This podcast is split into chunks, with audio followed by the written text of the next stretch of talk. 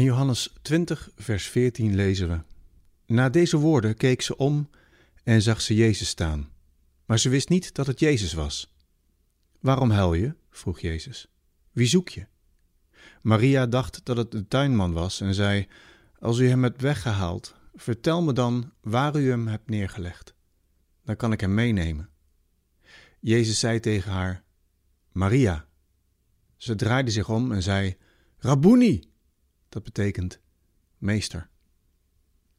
Als Maria van Magdala zich snikkend voorover buigt naar het graf, ziet ze allereerst twee engelen zitten die haar vragen: Vrouw, waarom huil je? ik moest eigenlijk meteen denken aan de reclame van Sieren. De dood praat er niet overheen. Het lijkt of de engelen een hele vreemde vraag stellen. Ze staat op een begraafplaats, bij een graf, te huilen. Waarom zou je huilen? Het getuigt van weinig inlevingsvermogen van die engelen, toch?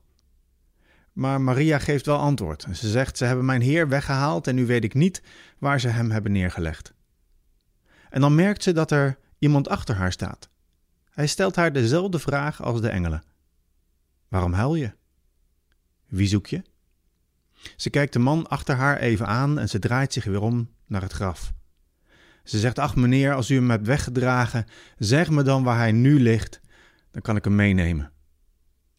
En dan zegt die man achter haar: Mariam. In heel weinig vertalingen lezen we dat en misschien uh, leg ik er te veel nadruk op, maar het is in het Grieks maar één lettertje verschil. Maar Jezus noemt haar hier niet Maria, zoals in het hele hoofdstuk eigenlijk verder Maria, Maria wordt genoemd, maar hij noemt haar Mariam, het Hebreeuwse Mirjam. En onmiddellijk draait ze zich om.